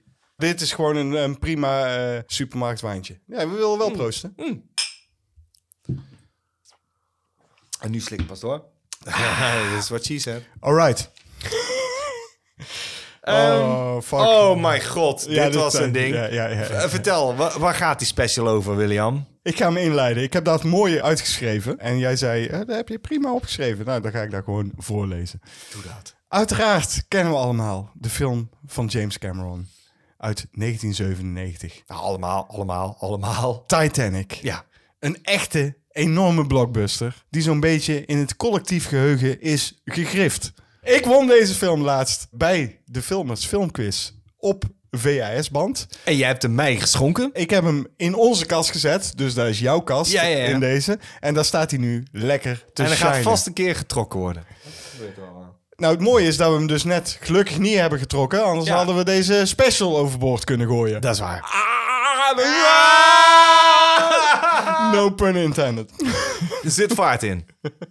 Want we gaan deze special over Titanic hebben. Het mag natuurlijk ook geen geheim zijn dat eh, jij deze film nog nooit hebt gezien, JP. Nog nooit. En je bent ook niet van plan om ooit te gaan kijken. Nope. Je gaf wel aan dat je hem wel hebt zien zinken. Het Ik schip- heb hem zien zinken, het schip. Want Eh. eh, dat leek me het interessantste gedeelte. En ik was een keer aan het zappen door alle kanalen. En toen zag ik in één keer scène en toen dacht ik, hey, hier is Titanic. Oh, hij zingt. Oké, dat wil ik wel even zien. Maar de drie uur daarvoor, die... Geen idee waar het over gaat. Nee, en daar ben je ook niet naar benieuwd. Nee, absoluut En de niet. film duurt ook heel erg lang. Ja. Drie uur en een kwartier ongeveer. Maar die drie uur daarvoor doen ze er dus over om te vertellen dat een onzinkbaar schip alsnog gaat zinken. En dat kun je knap noemen van James Cameron. Maar de reden dat veel mensen dus deze film hebben uitgezeten is om het feit dat zij willen zien dat dat schip uiteindelijk gaat zinken. Ja. Toch? Ja. Dat dan James Cameron daar zo'n romantisch kakverhaaltje aan heeft gehangen, is eigenlijk niet goed te praten. Eh, van de ruim 2000 passagiers moest hij er zo nodig ene Roos en ene Jack uitkiezen. Fictief, overigens. Daar wordt dus een Romeo en Julia verhaaltje aan vastgehangen. Wat, leuk is, want hij heeft ook heel gezegd. Het is helemaal niet leuk. Het is gewoon heel vervelend. Je zit daar drie uur naar te kijken, terwijl je gewoon de schip wilt zien zinken. Zeker. Eh, wat wij dus Zeker. vinden, is dat dat beter kan. En we gaan dus in deze special dat doen. Wij gaan gewoon hier met een betere versie komen van Titanic. Om het wel een echte knaller te maken. JP, zou je willen dat ik begin? Of wil jij beginnen? Want we hebben ieder onze eigen versie gemaakt. Ik wilde jij begint, want ik ben heel benieuwd wat jij ervan hebt gemaakt. Oké. We doen het alsof jij het pitcht. Dus eh, ik wil jou horen. En als ik denk, nou, eh, daar wil ik wel een paar miljoen tegenaan gooien. ja, ja, ja, precies. Nou, dan kom maar Kom op. maar op met een verhaaltje dan. Kom hè? maar op met die miljoenen dan. Ja. Ik denk een sci-fi. Oh, De ijsberg is namelijk geen ijsberg, maar een buitenaards ruimteschip. En dat is Ja? een flink ruimteschip. ja. Dat is niet zomaar een schip, dat is een flink Dat is ruimteschip. een kast. Dat is een kast, Kast van een schip. Ja. Er zitten een, een aantal duizend eh, aliens in dat schip. Fucking groot. Ik weet niet hoe die aliens eruit zien, maar die zijn in ieder geval van plan om te infiltreren op aarde. Want ze hebben iets nodig van de aarde. Ik denk iets uit de kern van de aarde. Hè? Er is een brandende kern in de aarde. Daar hebben ze gewoon nodig, weet ik veel. Dat verzin ik nu ter plekke, want daar heb ik ook allemaal nog niet uitgedacht. Dus laten we dan beginnen met een intro van het ruimteschip. Ja. Eh, Wat eruit ziet als een gigantische ijsberg. Ja. Maar in dat ruimteschip zie je dus de gezagvoerders uh, bakkeleien. En eh, tot de conclusie komen, weet je niet, want ze... Praten in... eh, Precies. Ze praten Ja. buitenaardse, onverklaarbare taal. Maar ze komen tot de conclusie, want ze hebben de aarde al een tijdje bespied, dat de Titanic de ideale optie is om de aarde te infiltreren. Ja. Daar zitten ook een paar duizend man op dat schip. Dus eh, daar komt ongeveer overeen. Ja. Eh, perfect. Dan krijg je de openingscredits. Titanic. Eh, met een feestelijke uitvaart van de daadwerkelijke Titanic. Ja. Overal blije mensen op het schip. Trieste gezichten aan de kade. Want hun eh geliefden vertrekken. Mensen worden uitgezwaaid. En het schip vertrekt. We leren ondertussen natuurlijk een aantal passagiers kennen. Waaronder bijvoorbeeld een jonge matroos. Die door zijn leidinggevende behoorlijk wordt afgesnauwd. En een allerlei kutklusjes moet aanpakken aan boord. Ook eh, leer je nog een aantal andere mensen kennen op het schip. Natuurlijk hoort dat erbij. Dus Ja. eh, een paar verwende kutlui die eh, in de eerste klasse ver- vertoeven. Eh, de- eh, nog een aantal randfiguren, weet ik veel. We intro- introduceren gewoon een aantal figuren om... het- Introduceert me helemaal niks. Nee, die introduceert ook helemaal niks. Deze figuren introduceren helemaal niks. Maar je hebt ze wel nodig om het verhaal een beetje... Voortstuwen. Precies. Ja. Maar ook een rond de 55-jarige oude vrouw, maar nog wel fit. Ik eh, zie daar bijvoorbeeld een Hal Berry. Bijvoorbeeld. Ja. Dus je leert al die karakters kennen, gebeurtenissen, confrontaties op dat schip. Dan komt natuurlijk de scène die je verwachtte. Waarvan je wist dat die ging komen. Ja, precies. Er lijkt niets aan de hand, maar de Titanic ligt goed op koers. Ineens doemt uit het niks de ijsberg omhoog. Oh! En ze kunnen eigenlijk... Iceberg ahead! Ja, maar, maar gewoon hij doemt ineens omhoog, hè? Ja. Weet je wel? Oh. Ze kunnen hem niet ontwijken. Nee. En dan zie je een waterkolk ontstaan. Het schip gooit nog wel allerlei alarmsignalen, noods... eh, oh man, allemaal eruit. Maar het schip wordt door een waterkolk opgezogen en vloep, verdwijnt zo in het ruimteschip. Eh, De matroos heeft. Heel het ruim. Hoe groot is het ruimteschip? Ja, dit is behoorlijk groot. Het is- Dat is een Dat is een ruimte. kast van een Dat is ruimteschip. echt- Dus heel dat schip, wat al heel fucking groot is, ja, zit in een ruimteschip. Ja, in een ijsberg. En daar zit... Oké, en nu? En, En- nu? en Want nu, ik, eh, en- you got me. Je hebt Ja, mij, zeg maar, ja, eh, you got ja, me hooked. Ja, ja, Die, die matroos eh, die we hebben leren kennen, die heeft er helemaal niks van meegekregen. Die was in de machinekamer allerlei kutklusjes aan het oplossen. Nee. Maar hij merkt wel van, hey, we zijn helemaal niet meer aan het varen. Hij heeft natuurlijk zeemansbenen. Dus gaat hij op onderzoek. Ondertussen loopt hij die vrouw tegen het lijf. Ja. En samen komen ze dus achter dat ze zijn gekidnapt door aliens. Eh, ze houden zich dus schuil en ze zien dat de aliens één voor één de lichamen van de passagiers overnemen. Sommige passagiers worden overigens gewoon omgelegd omdat ze opstandig zijn. hè? Ja, natuurlijk. tuurlijk. Tuurlijk. Hectiek, hectiek. Steeds wanneer een x-aantal passagiers eh, zijn bezeten door de aliens, stappen ze in een reddingsbootje van de Titanic. En dan vloepen ze zo de zee weer op, totdat de meeste aliens een menselijk lichaam hebben. Dus dat doen ze de hele tijd. Eh, de matroos en de vrouw wisten zich al die tijd schuil te houden. Zelfs eh, waren ze zo slim dat ze doorhadden van... hey, ze gaan met die reddingsboten steeds weg. Ja. Dat ze zich schuil hebben gehouden op een van de reddingsboten. Ja. En ze komen dus tussen een hoop door aliens bezeten mensen op een reddingsboot te zitten, die ook op de zee komt te zitten. De hulptroepen komen, want hè, noodsignalen waren wel gestuurd door de Titanic. En die redden de passagiers, en dat doe ik even tussen haakjes, hè, passagiers, Ja. eh, van hun reddingsbootjes en brengen deze veilig naar de haven, waar iedereen hun levens lijkt te hervatten. De aliens hebben eigenlijk alle gegevens van de passagiers overgenomen. Hè? Dus ze kunnen hun hersenen lezen. Ze weten precies wat ze moeten doen om die mensen te imiteren. Ja. De matroos en de vrouw proberen de havenmedewerkers hè, en eh, alle hoge pieven op de haven te behoeden van wat er is er gebeurd. Eh, dit zijn niet de passagiers, dit zijn aliens. Maar natuurlijk gelooft niemand hun. En de aliens krijgen natuurlijk door dat eh, de matroos en die vrouw geen aliens zijn. Ja. Dus ze moeten weer vluchten en zich schuilhouden. Dan volg je een aantal karakters die we al eerder leren kennen, die dus nu een alien zijn. En Ja. Ze lijken hun levens op te pakken, maar ook steeds meer mensen. Want die aliens kunnen zich klonen en dan pakt hij een ander mens. Dit zijn dus de, de mensen die in de reddingsboten eh, de Titanic zijn ontkomen. Het Ja. zijn dus nu als aliens, Aliens. worden ze langzaam uitgezet op aarde. Ja, die komen gewoon weer terug in hun Ja, dagelijks leven. En die pakken zo steeds meer mensen in hun macht. Snap je? Ja, snap ik. Op den duur weet je dus als kijker ook niet meer wie je wel en wie je niet kan vertrouwen. Dat geldt dus ook voor de matroos en de vrouw. En die proberen dus... Is het heel het script? Dat is godverdomme Ja, nee, lang, ik ben ja, behoorlijk script aan. Ik heb een behoorlijk script geschreven zonder dialogen. Eh, Oké, Ja, eh, ze hebben dus op een gegeven moment iemand gevonden waarvan ze denken van die kunnen we vertrouwen. Die blijkt dan uiteraard natuurlijk wel een alien te zijn. ja. En op het moment dat hij zich kloont en probeert de matroos te bezitten, ja. weet de vrouw hem nog net op tijd te redden.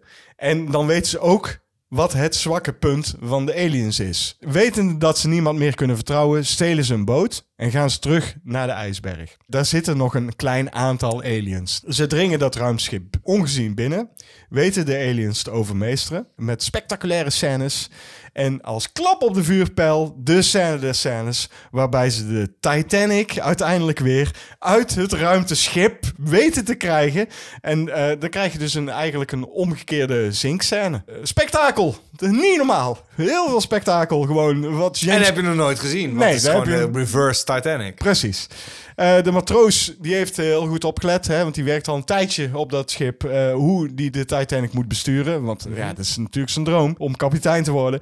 En hij vaart richting de haven van New York, waar met verbazing gekeken wordt door de havenmedewerkers, die ze daar eerder probeerden te overtuigen van... "Oh, ze zijn niet gezonken, maar aliens, bla bla bla.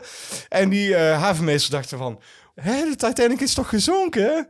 Eh, ze worden opgevangen. Ze worden nu wel geloofd. hè? Ze worden ondervraagd over de aliens. Eh, ze vertellen over het klonen. En tijdens het vertellen zie je dat de havenmedewerkers raar doen. Ja, ja, ze zijn uiteraard al aliens. Nemen de matroos en de vrouw over. De- en zo blijkt dus dat de hele aarde al overgenomen is door aliens. Einde. Is dat waar? Eh, dat weet ik niet. Nee, Eh, nee, dat- maar dat- vertel dat- eerst dat- met jou, dat- Ja, oké. Ik heb zitten stoeien met dit concept. En elk concept wat ik had, eh, daarvan dacht ik... Ja, maar dat is al een film. Ik had eerst Somalische piraten die op de vlucht zijn... en die komen in een mistbank terecht. Ja. En dan één keer moeten ze dan een schip... en toen dacht ik, dit is Deep Rising. Daar heb ik een heel groot kruis doorheen gezet. Ja. Want ik dacht, ik heb hem! Dus, Maar de- hier komt mijn verhaal. Ah, Oké, vertel, vertel. Je hebt een kerel die heet Bruce. Hij is eh, op leeftijd.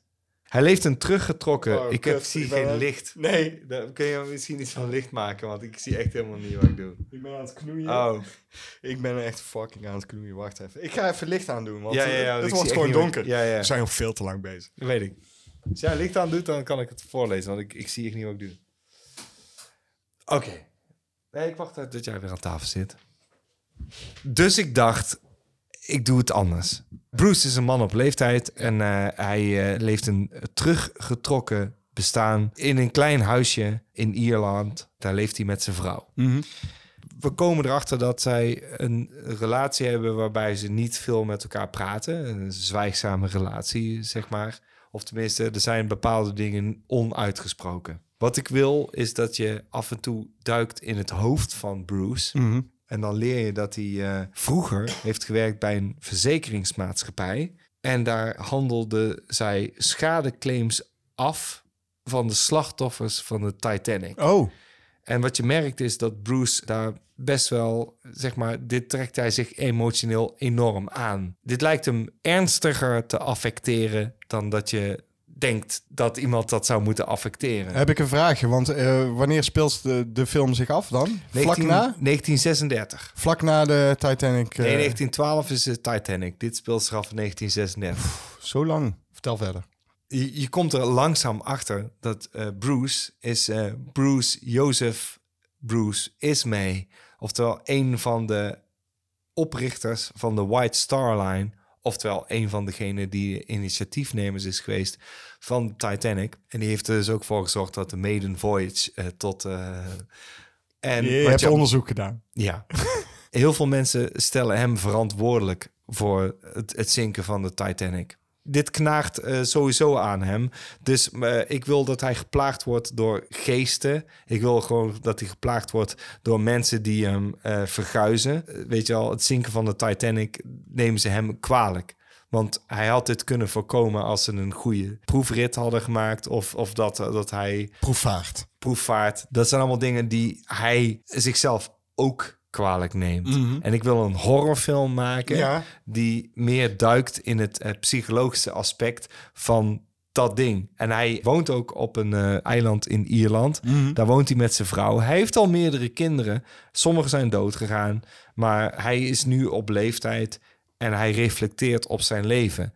En op sommige momenten lijkt hij achtervolgd te worden door de geesten van zijn verleden. En of dat nou geesten zijn van het schip of overlevenden of de beslissingen die hij heeft genomen. Ik denk dat ik de focus daarop wil leggen. Een spookverhaal. Ja, zeker. Want eh, hij wordt hier zeker door geplaagd. En hij wordt natuurlijk midden in de nacht wakker.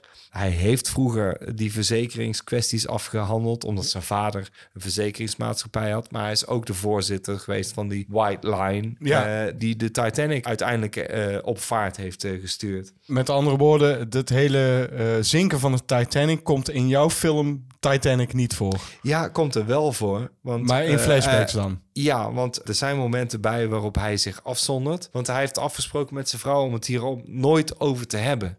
Want hij voelt zich immens schuldig. En dit is gewoon in het echt ook zo.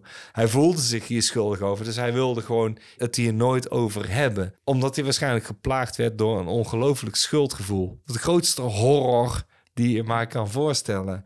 Dat betekent dus dat hij af en toe zich waant op de boot In dromen en of hij in... moet moedeloos meemaken hoe iedere poging om de boot niet in aanraking met de ijsberg te laten komen. En iedere poging faalt. Mhm. Opnieuw, opnieuw, opnieuw. Maar ook de, het schreeuwen van de kinderen, het schreeuwen van de, de vrouwen. Ik snap, ik snap bedoelt. gewoon, hij moet een geplaagd persoon zijn. Ja. En dat is de echte horror. Dus ik wil een horrorfilm maken die inspeelt op de dramatiek van een bestaand persoon. Eh Joseph Bruce is mee. En, en hij werd ook altijd Brute is mee genoemd, omdat ze dachten dat hij eh, heel veel mensen de dood had ingejaagd.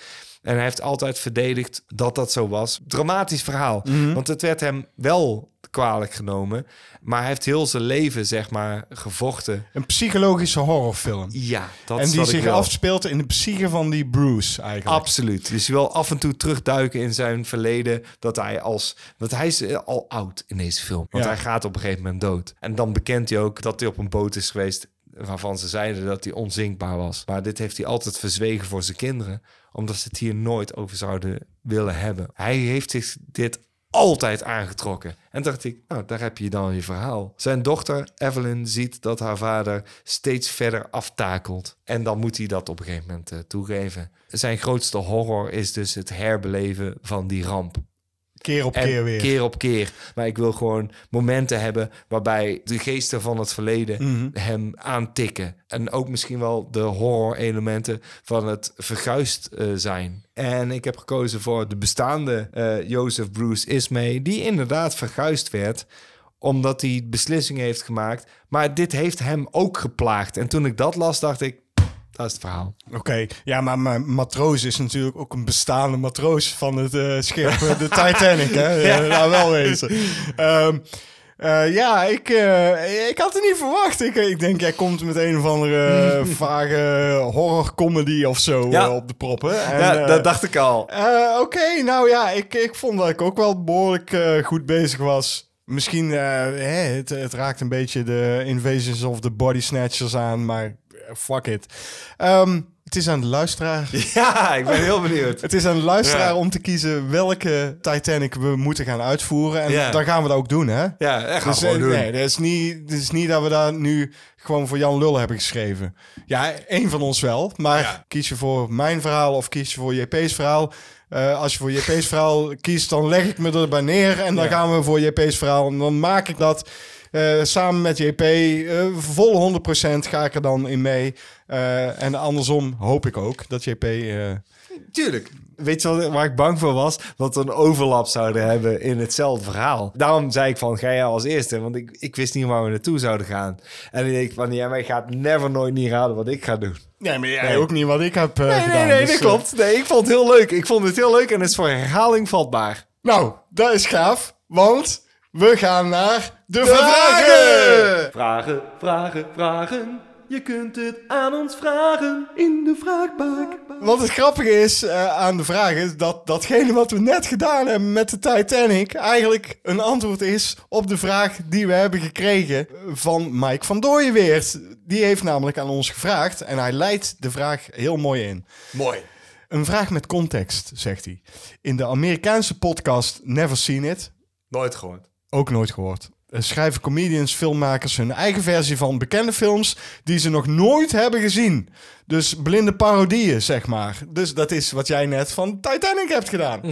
Van welke ongeziene films zouden jullie zelf graag een script willen schrijven? En wat zouden jullie er dan in verwerken? Zeg jij maar eerst, want ik eh, vond het een lastige vraag. Oh man, en dan moest, ik moest een lijst eh, afgaan van films die ik nog nooit heb gezien, waarvan ik iets dacht. Ik zal het kort houden. Ik dacht The Apartment en daar zou ik dan waarschijnlijk een horror van maken. Want anders kom ik op, eh, op zoveel films die ik niet heb gezien, waar mensen wel, "Eh, je die niet gezien? Nee, die ga ik uiteindelijk nog wel een keer kijken. Maar die heb ik gewoon niet gezien. Oké. Ik heb hier staan Saving Private Ryan, Some Like It Hot, Sunset Boulevard, Butch Cassidy and the Sundance Kid. En ik heb ook Annie Hall. Ik heb er ook een pijltje bij staan en er staat altijd horror. Ik heb een langer antwoord, JP. Oh, dan ga ik even pissen.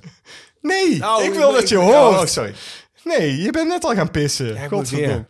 Ja, ik ben ook op zoek gegaan naar een titel waarvan ik dacht, die film heb ik nog nooit gezien, maar de titel vind ik interessant. En toen kwam ik op To Kill a Mockingbird. Ik vond het een interessante titel en toen dacht ik meteen, dit wordt een spionage-thriller. Ik heb dat eh, op dezelfde manier gedaan als ik net Titanic heb gedaan, alleen iets korter wel. Godzijdank. Eh, ja, een huur... nee, luister. Een huurmoordenaar wordt door een geheime spionageorganisatie ingehuurd om een man te vermoorden die bekend staat als Mockingbird. De dood moet wel op een ongeluk lijken, maar voordat hij daadwerkelijk de moord uitvoert, moet hij ook nog bepaalde geheime documenten van de Mockingbird zien te bemachtigen. Dus hij schaduwt de Mockingbird om te achterhalen waar deze documenten zijn en merkt op dat de Mockingbird bizarre acties uithaalt. Die lijken heel erg op eh, acties van andere mensen die vaak in zijn buurt zijn. Het lijkt erop dat hij degene die bijna een soort van nadoet, zoals een Mockingbird, Ja, ik voelde hem Eh, aankomen. Ja, eh, ja, en dat was een geen verrassing. En na een poosje, als hij blijkt dat hij steeds dichter bij diegene die hij aan het nadoen is in de buurt kan komen, legt hij hem om. Dat ziet dus onze huurmoordenaar gebeuren. Die denkt bij zijn eigen, what the fuck? Ja, hey, Eh, dan inderdaad een vraagstuk. Hoe, hoe moet je zo iemand omleggen dan? Ja, precies. Ja. Eh, inmiddels had hij ook al een keer ingebroken bij de Mockingbird op zoek naar de documenten. Zonder succes, overigens. Eh, maar hij was dus geschrokken van de moord die de Mockingbird heeft uitgevoerd. En als je hem dan weer schaduwt, valt hem iets raars op. Vanaf nu volgen we niet de huurmoordenaar, maar we volgen de Mockingbird. En hij lijkt erop dat hij dingen op dezelfde manier doet als die huurmoordenaar. Op een ongeziene manier komen we erachter dat de Mockingbird dus doorheeft dat hij wordt geschaduwd en hij eigenlijk een soort van terug aan het schaduwen is.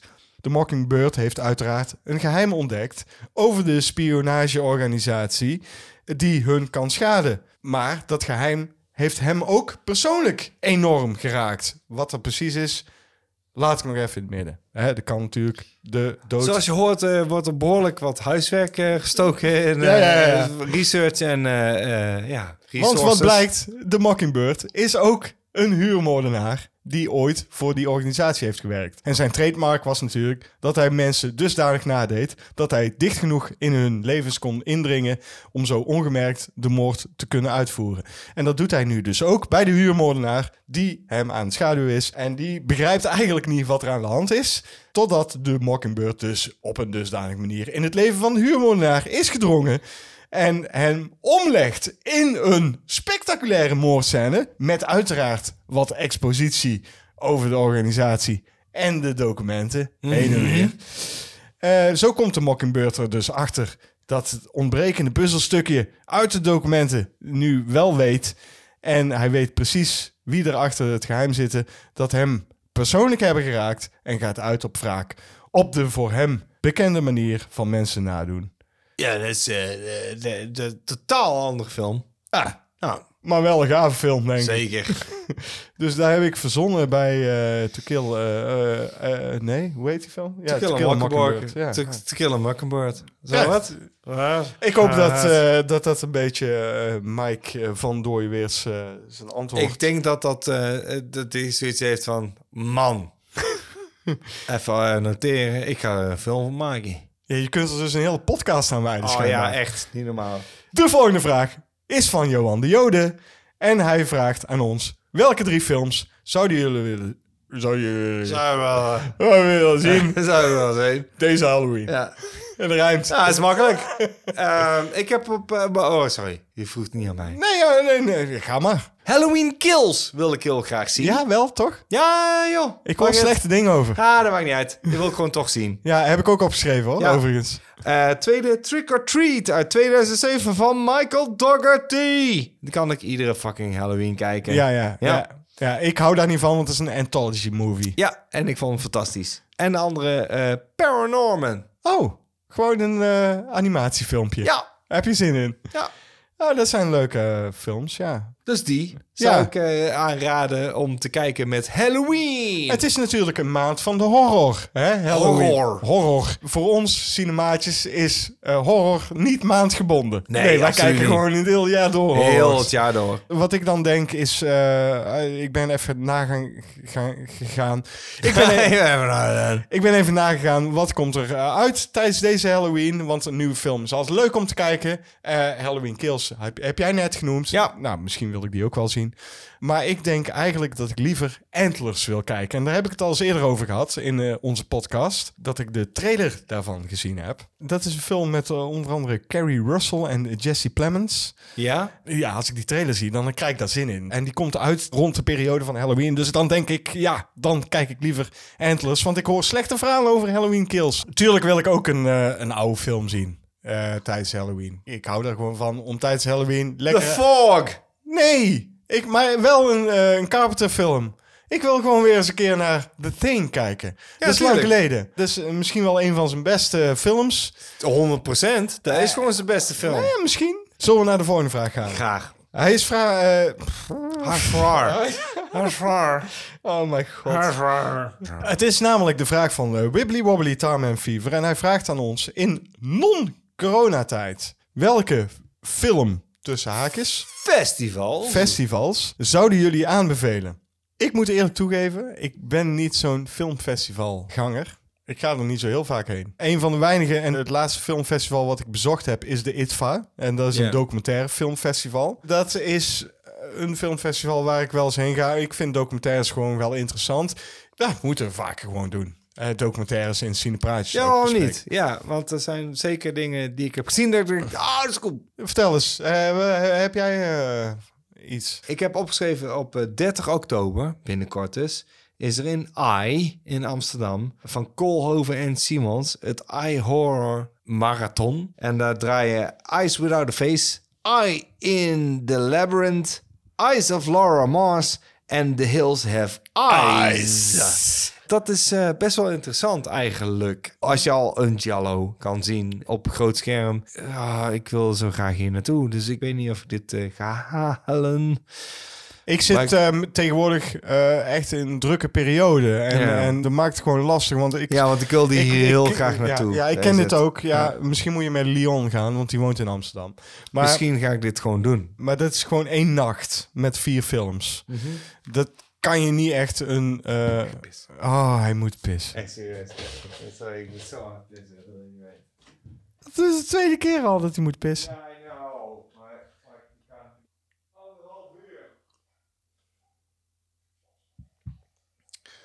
Wordt weer een lange uitzending dit, want JP moet de hele tijd pissen gewoon. Het is de tweede keer al dat hij moet pissen. Ja, ik laat er gewoon in ook. Jawel, dat ligt aan de lengte. Als je eenmaal gaat pissen tijdens alcohol drinken, dan moet je steeds pissen. Ik stel daar gewoon uit, weet je. Natuurlijk moet ik pissen. Als ik nu mijn lul uit mijn broek haal, eh, dan pis ik. Dat maakt niet uit. Maar als je het gewoon niet doet, als je gewoon besluit om niet te gaan pissen, dat is het geval tijdens alcohol drinken. Je moet gewoon besluiten om niet te pissen. Als je alcohol drinkt, moet je gewoon besluiten zo lang Ja, mogelijk. daar. Eh, Alsof dat de lengte van de podcast bepaalt. Ja, Echt absoluut, onzin. absoluut. Onzin.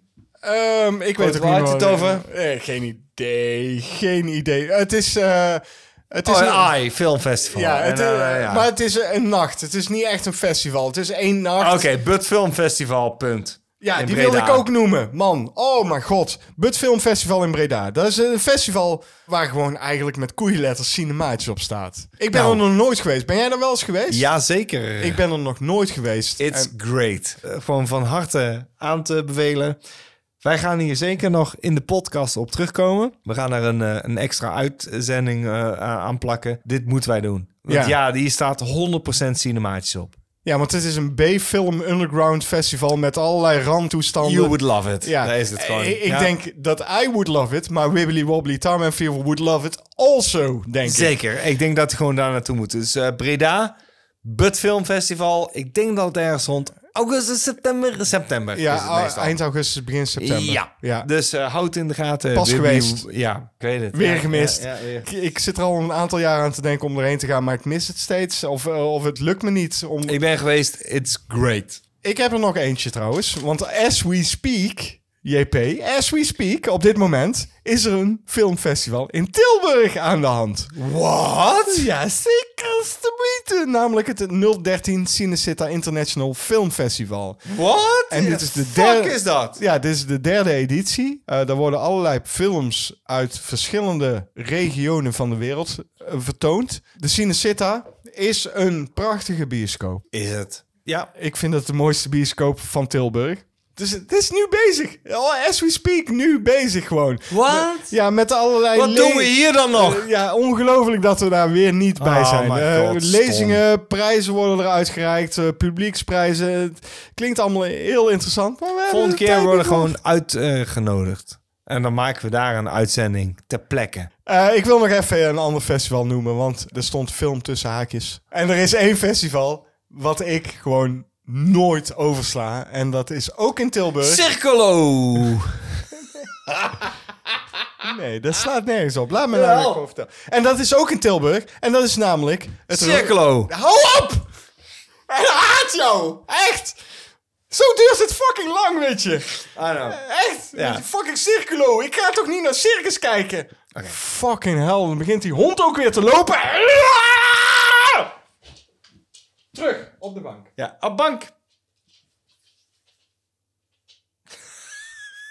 Ja, goed zo. Ja, ja. Nou, er is dus eh, in Tilburg elk jaar een festival wat ik gewoon nooit oversla. En dat is... Circolo. Hou op, JP. Echt. Blijf je dit nog... 100 procent.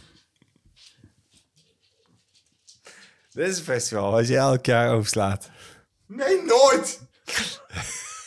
Is het, eh, is het met rockmuziek? Ja, natuurlijk! Oh, oké. That's great. Vuile lul met je circulo. Echt. Nee, ik vind het helemaal niet grappig. Ik wel. En dan schuift hij ook nog tegen die microfoon aan. Echt, wat een lul.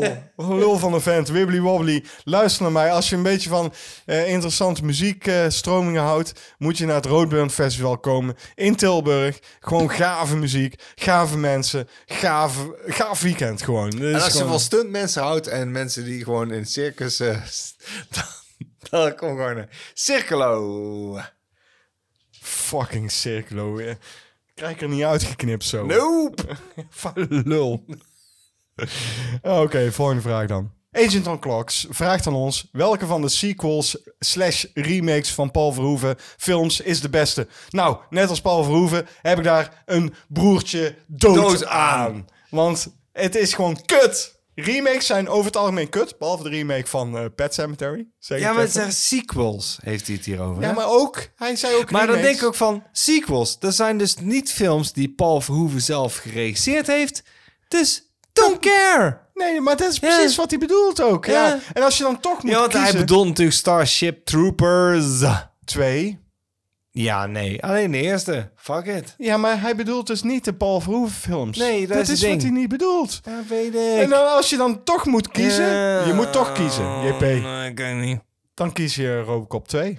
Dat is geen goede film. Nee, maar wel misschien de beste sequel slash remake. Oké, dan sluit eh, ik mij gewoon wel bij jou aan, want ik denk dat je gelijk hebt. Dat, Dat- is dan de beste. Dat is dan de beste I van, guess. van alle kutte films die een remake of sequel van Paul Verhoeven film zijn. Ja, want de rest is gewoon kut. Ja, en Paul Verhoeven haat ook alles wat dat betreft. En ik ben blij dat hij zelf geen sequels maakt op films die hij maakt. Overigens.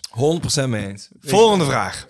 Goed. Eh, de volgende... ge- eh, De volgende graag. De volgende vraag.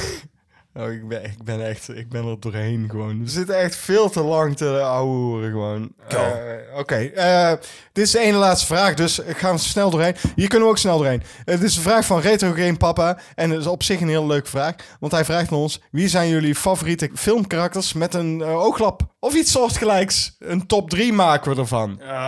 Heb, jij, eh, heb jij er drie? Ja, ik heb er drie. Oké, begin met je drie. Want één is allemaal hetzelfde. Dat geloof ik. Oké, eh, waar ik geen zak om geef, maar Alan Driver uit eh, Kill Bill. L-Driver heet hij. Ja, daarom, zie je? Don't care. Eh, die heb je op drie staan. Ja, eh, ik heb ook zelfs opgeschreven L Driver. Ik kan gewoon niet lezen. Eh, gespeeld door Daryl Hannah. Op zich wel een leuk karakter. Maar Ja. wat ik heb opgeschreven is... Dit vond ik alleen maar leuk omdat hij een raar ooglapje had. Hij had namelijk een ooglapje met nog een oog erin. Wat ook afzonderlijk bewoog. Moody. Ja, Moody. In Harry Potter en The Goblet of Fire. Gespeeld door Brandon Gleeson. Die heb ik op drie staan. Je twee? twee staan. Twee, Nick twee. Fury natuurlijk, want die heeft gewoon een Viking ooglapje. Echt? Fuck. Fuck off met die Marvel films, JP. Ja, weet ik, maar niet terecht, want eh, hij speelt een enorme hoofdrol daarin. En Ja, maar waarom noem je dan niet bijvoorbeeld Dennis Hopper in eh, Waterworld? Eh, Oké, dat is het ding. Het is Het is wel een kutfilm. gewoon... Nee, Ja. maar dat maakt niet uit. Het is wel Samuel L. Jackson. Ja, maar het is wel Dennis Hopper. Ja, dat weet ik wel. maar het is Samuel L. Jackson. En Nou. hij speelt gewoon Nick Fury. En hij heeft een Oké, ooglapje. oké, oké, oké. Ja, Dit is ja, jouw nummer zeker. twee, mijn Ja, nummer zeker. twee. Zal ik mijn nummer twee noemen? Ja, doe maar. Dat Doe is niet Dennis Hopper. Nee, nee, nee, nee. dat is een honorable mention. Ja? Eh, One-Eyed Willy in de Goonies. Die heb ik opgeschreven. Ik heb hier One-Eyed Willy Goonies. En ik wist gewoon dat jij die ging noemen. Ja, natuurlijk. Ja, uiteraard. Dus onze nummer één is eh, dezelfde. Dezelfde. Dus drie, 1, 2, 1. Nee, Ja, wat? Oké. Wel even goed doen. Dus drie, twee, één. Snake Plissken. Ja, dat is gewoon te- klaar, toch? Dat, ja. Onafgesproken. Precies. Dus wat dat betreft, eh retro game papa, dat is ons antwoord. En de laatste vraag. Wat een ontzettende, interessante, maar vooral ook hele moeilijke vraag is. Moeilijke vraag. Van En onze grote vriend Ruudje Vos. Die we weer Ruudje eens- Vos gaat binnenkort gewoon langskomen. En dan gaan we weer een... Moet, eh, een- moet, moet, moet. langskomen. moet langskomen. Dus Ruudje, dat je niet denkt van... Maar waarom gewoon niks? nee. Nee, eh, wij zijn het helemaal 100% roerend mee eens. We willen dat je langskomt. Dus eh maar, Ruudje Vos, wat een ja. godverdomme goede vraag, man. Welke films snapten jullie als kind niet, Ja. maar vind je nu geweldig? En daar Wacht, wacht, is wacht, het struikelblok. Ja, het struikelblok zit hem in het woordje geweldig. Ja. Want dan moet ik op zijn movie lul met vrienden zeggen. Ja? Welke films snapten jullie als kind niet, maar vinden jullie nu geweldig? Zo, zo ze- Geweldig. Geweldig. Ja, geweldig. Zo, zo doen ze daar bij eh, Movie met vrienden. Ja. Geweldig. Ik denk dat ze Brabanders na wilden doen. Of ons in ieder geval belachelijk wilden maken. En daarom Vast. doen ze geweldig. Geweldig. Geweldig. Li- Leon heeft er een handje van om Ja. geweldig te zeggen. Eh, trouwens, leuke podcast. Dus als je een andere podcast dan ons wilt luisteren, je hebt er wat tijd over. Ik zou zeggen, luister vooral eerst. lul met vrienden. Nee, vooral eerst ons luisteren. Oh Vooral, ja. En- en- maar en, da- en daarna en dan- de uitzending waarbij wij dus eh, met eh, hun meedoen. meedoen. Want die is geweldig. Geweldig. Geweldig. En daarna Movie lul, mo- movie lul, mo- movie lul. En daarna movie lul, mijn vrienden. Oké, we hebben genoeg uh, Wijn op. wijn op. Ja, oké. Eh, ik Eh, vond het zo'n moeilijke vraag. Ik oh ook. my god. Een geweldige vraag overigens. Nee, wat ik, wat ik hier goed aan vind, is dus de vraagstelling van... Oké, welke snapt je niet? En dan kom je op een hoop films uit. Want je bent jong, je kijkt een hoop films... en denk je, ik weet toch niet of dit voor mij bedoeld is.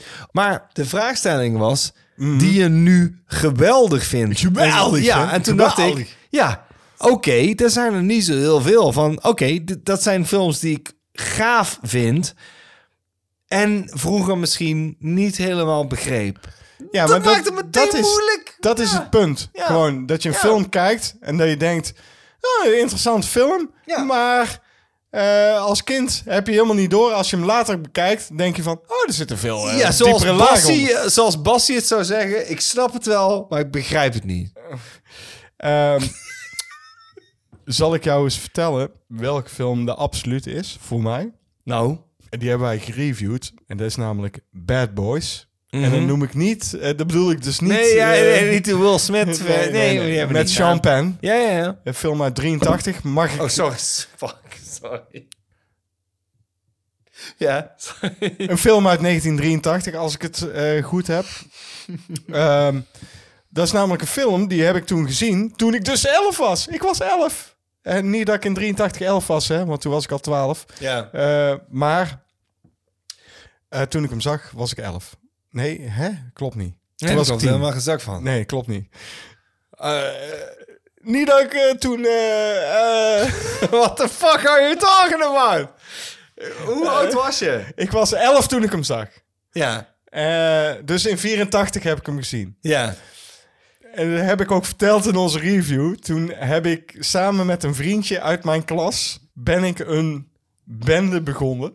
Ja. Tenminste, wij wilden een bende gaan vormen. En wij noemden onze bende Bad Boys. Na de film met Sean Penn. Maar als Ja. je die nu later terugkijkt, dan denk je...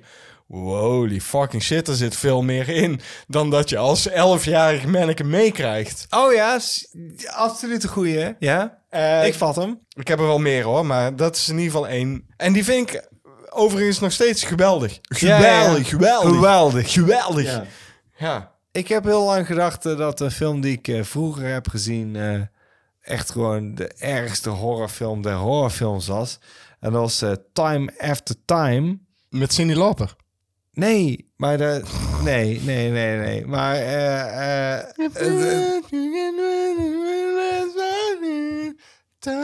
Nee, 1979, een film over eh, Jack the Ripper. En hij ript daar inderdaad iemand uit elkaar. En dacht van, oh, dit is de ergste horrorfilm aller tijden. Uh, Nee, het is een, het is een liefdesverhaaltje. heb je niet begrepen, maar je vindt hem wel Nee. geweldig. Eh, ja, ik vind hem heel gaaf. Want ik heb hem dus onlangs opnieuw bekeken. En toen dacht ik, eh, ja, ja, dat is wel gaaf. Ik had daar ook een beetje met The Breakfast Club. Geweldige film. Geweldig, Ja. geweldige film. Geweldige film. Geweldige film. Ja. Terwijl ik eh, toen ik hem toen zag, het niet helemaal door had wat er allemaal precies besproken wordt in de film. Snap je?